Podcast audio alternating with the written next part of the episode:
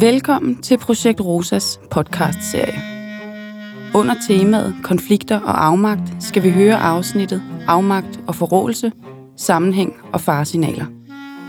Psykolog Dorte Birkmose, der har skrevet bogen Når gode mennesker handler ondt, gør os i denne podcast klogere på, hvad forrådelse er, hvordan den opstår, og hvilke faresignaler vi bør være opmærksomme på.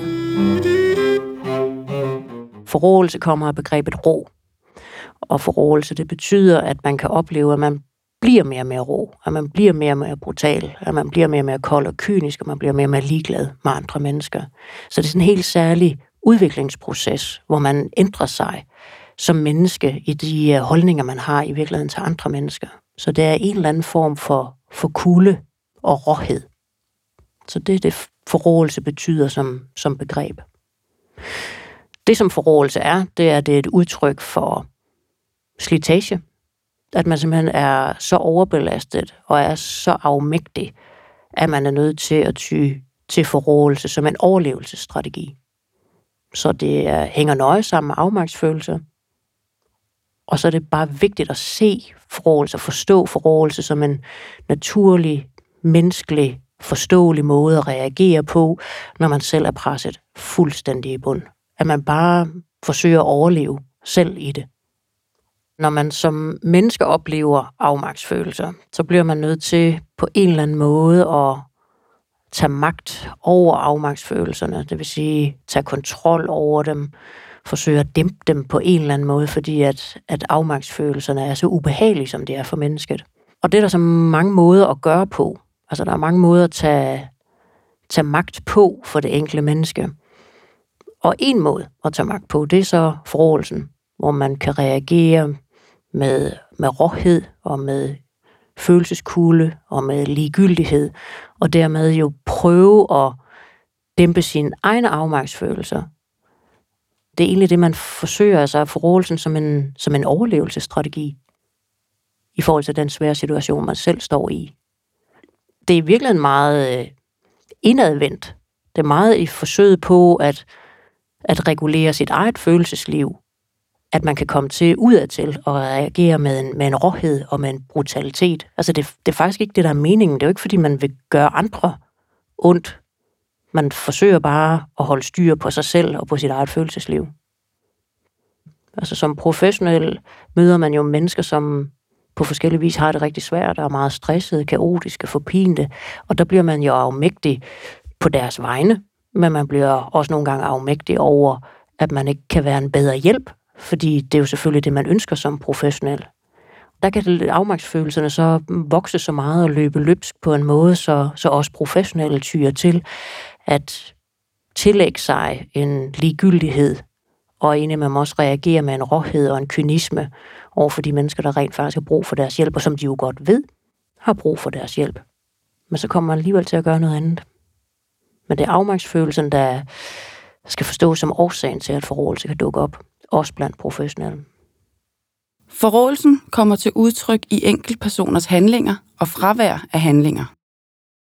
Men forrådelsen er ikke kun et individuelt problem, den er i høj grad et kollektivt problem. Det hænger sammen med, at de værdier, vi handler efter, skabes i grupper. Værdier bliver skabt i grupper. Værdier bliver ikke skabt med sådan en temadag som den her. Altså det er, jeg kan stå her og undervise lige så tostet jeg vil. Der er ikke en eneste værdi hos jer, som rykker sig en tødel. Altså det har ingen effekt overhovedet. Så har man forsket lidt i, jamen, hvad så med ledelse? Ledelse må der kunne flytte noget på nogle værdier. Og der kan man se med forskningen, øh, ja, lidt. Ikke meget. Ikke noget med sådan, ikke, nah, det er ikke meget, det bonger ud med det der. Men det, der sker i grupperne, det, der sker i grupperne, hvor vi synes, at vi er os, det er, hvor vi har et fællesskab. Og det kan jo være nogle af de formelle grupper, men det kan også være de uformelle grupper, hvor vi lige sådan til et overlap, så stikker vi tre lige i hovedet sammen, så bliver vi lige enige om, at det her er gangbart, eller det ikke er gangbart. Og, så, og det er jo der, man beslutter en værdi. Og ikke nogen af os, der står i en situation og så tænker, uh, hvad skal jeg stille op i den her situation?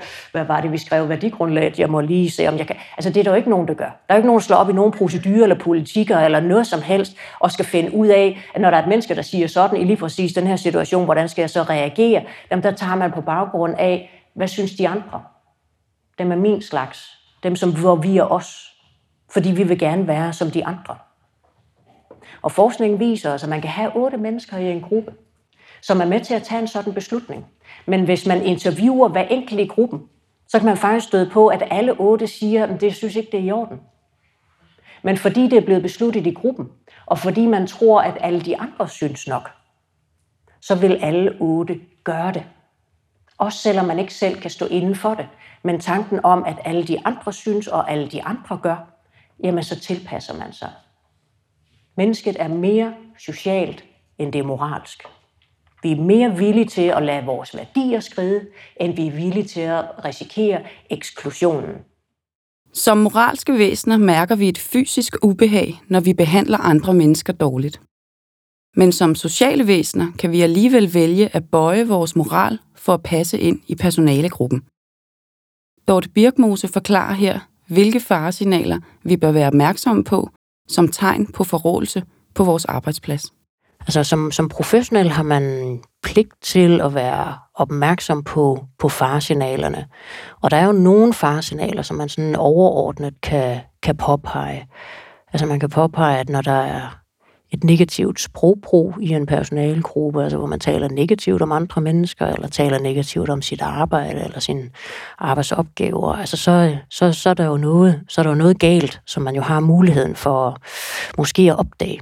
Men det er svært at opdage det, selv, selv der, hvor man taler allermest negativt, og måske endda også om de mennesker, som man faktisk er ansat til at hjælpe. Altså, man kan jo fare helt vildt i det. Man tror jo på de fortællinger, som man så fortæller om andre mennesker. Så det, det er et farsignal, men, men, jo, men jo stadigvæk et meget svært farsignal at registrere.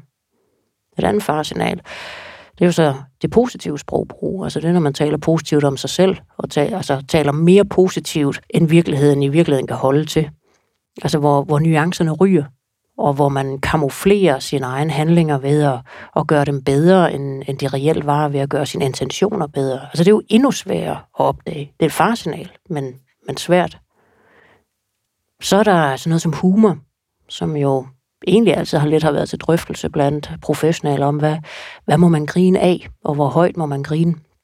Hvor skingert må det blive. Og der er jo, på den ene side har vi jo humoren som en af de fine forsvarsmekanismer, som et menneske har, og som noget, som er fællesskabskabende og frigørende, så langt som man griner sammen, eller griner det tragikomiske i en situation. Men det kipper jo og bliver et farsignal der, hvor man begynder at grine af de mennesker, som man rent faktisk er ansat til at hjælpe, hvor man begynder at latterliggøre, eller man begynder at grine hundligt. Man kan grine altså for råt og for skingert, for meget, og man kan grine af noget, som der slet, slet ikke skal grines af, fordi det er så alvorligt som det er. Så humoren kan også nogle gange være et farsignal. Sådan noget som regler, det har også sådan været noget, der er hyppigt blevet drøftet øh, i psykiatrien. Altså, hvor mange, hvor mange regler må man lave? Og hvor, hvor meget kan regler i virkeligheden føre til, øh, til yderligere konflikter? Og, og det bliver jo et, et, et farsignal med regler, hvis man begynder at lave regler for patienterne eller for borgerne, som man ikke selv skal overholde. Altså når det bliver, når det bliver, der er regler for jer, og så er der så nogle andre regler for os, så er der i hvert fald far på færre. Nogle gange så har man jo meget fokus på sygefravær. Altså også for meget fokus på sygefravær. Og det er ikke et farsignal her. Altså, jeg har mødt professionelle, som er så forrådet, som er så kolde, så kyniske, og de har aldrig haft en sygedag talestrømme i en personalegruppe. Altså der, hvor der bliver talt og talt og talt, og især talt om egen fortræffelighed, men også bare, der, der bliver bare brugt mange ord, og hvor der støj hele tiden, og hvor man tænker, hvad er det her for noget? Altså nogle gange kan talestrømmen jo være en måde at undgå svære spørgsmål på. Altså så lang tid jeg taler, så er der ikke nogen, der spørger mig om noget svært. Så derfor kan talestrømmen, det kan være et farsignal, men hvis der er noget, der også er et farsignal, så er det tavshed. Altså når der bliver stille, eller nogen, der siger noget, og så bliver det bare helt stille efterfølgende. Så bliver det jo også et farsignal. Så vi, er, vi mangler noget, vi mangler noget opsamling på alle de her farsignaler, hvis vi nogensinde skal præsentere det for, for en personalegruppe og sige, at der er nogle farsignaler her, som vi skal holde øje med, men det er jo, det er jo farsignalerne, det er symptomerne, som vi kan bruge til at opdage forrådelsen, hvis den sniger sig ind på en arbejdsplads. Du har lyttet til Rosa-podcasten afmagt og forrådelse, sammenhæng og faresignaler. Projekt Rosa relationer og samarbejde på tværs, siger tak fordi du lyttede med.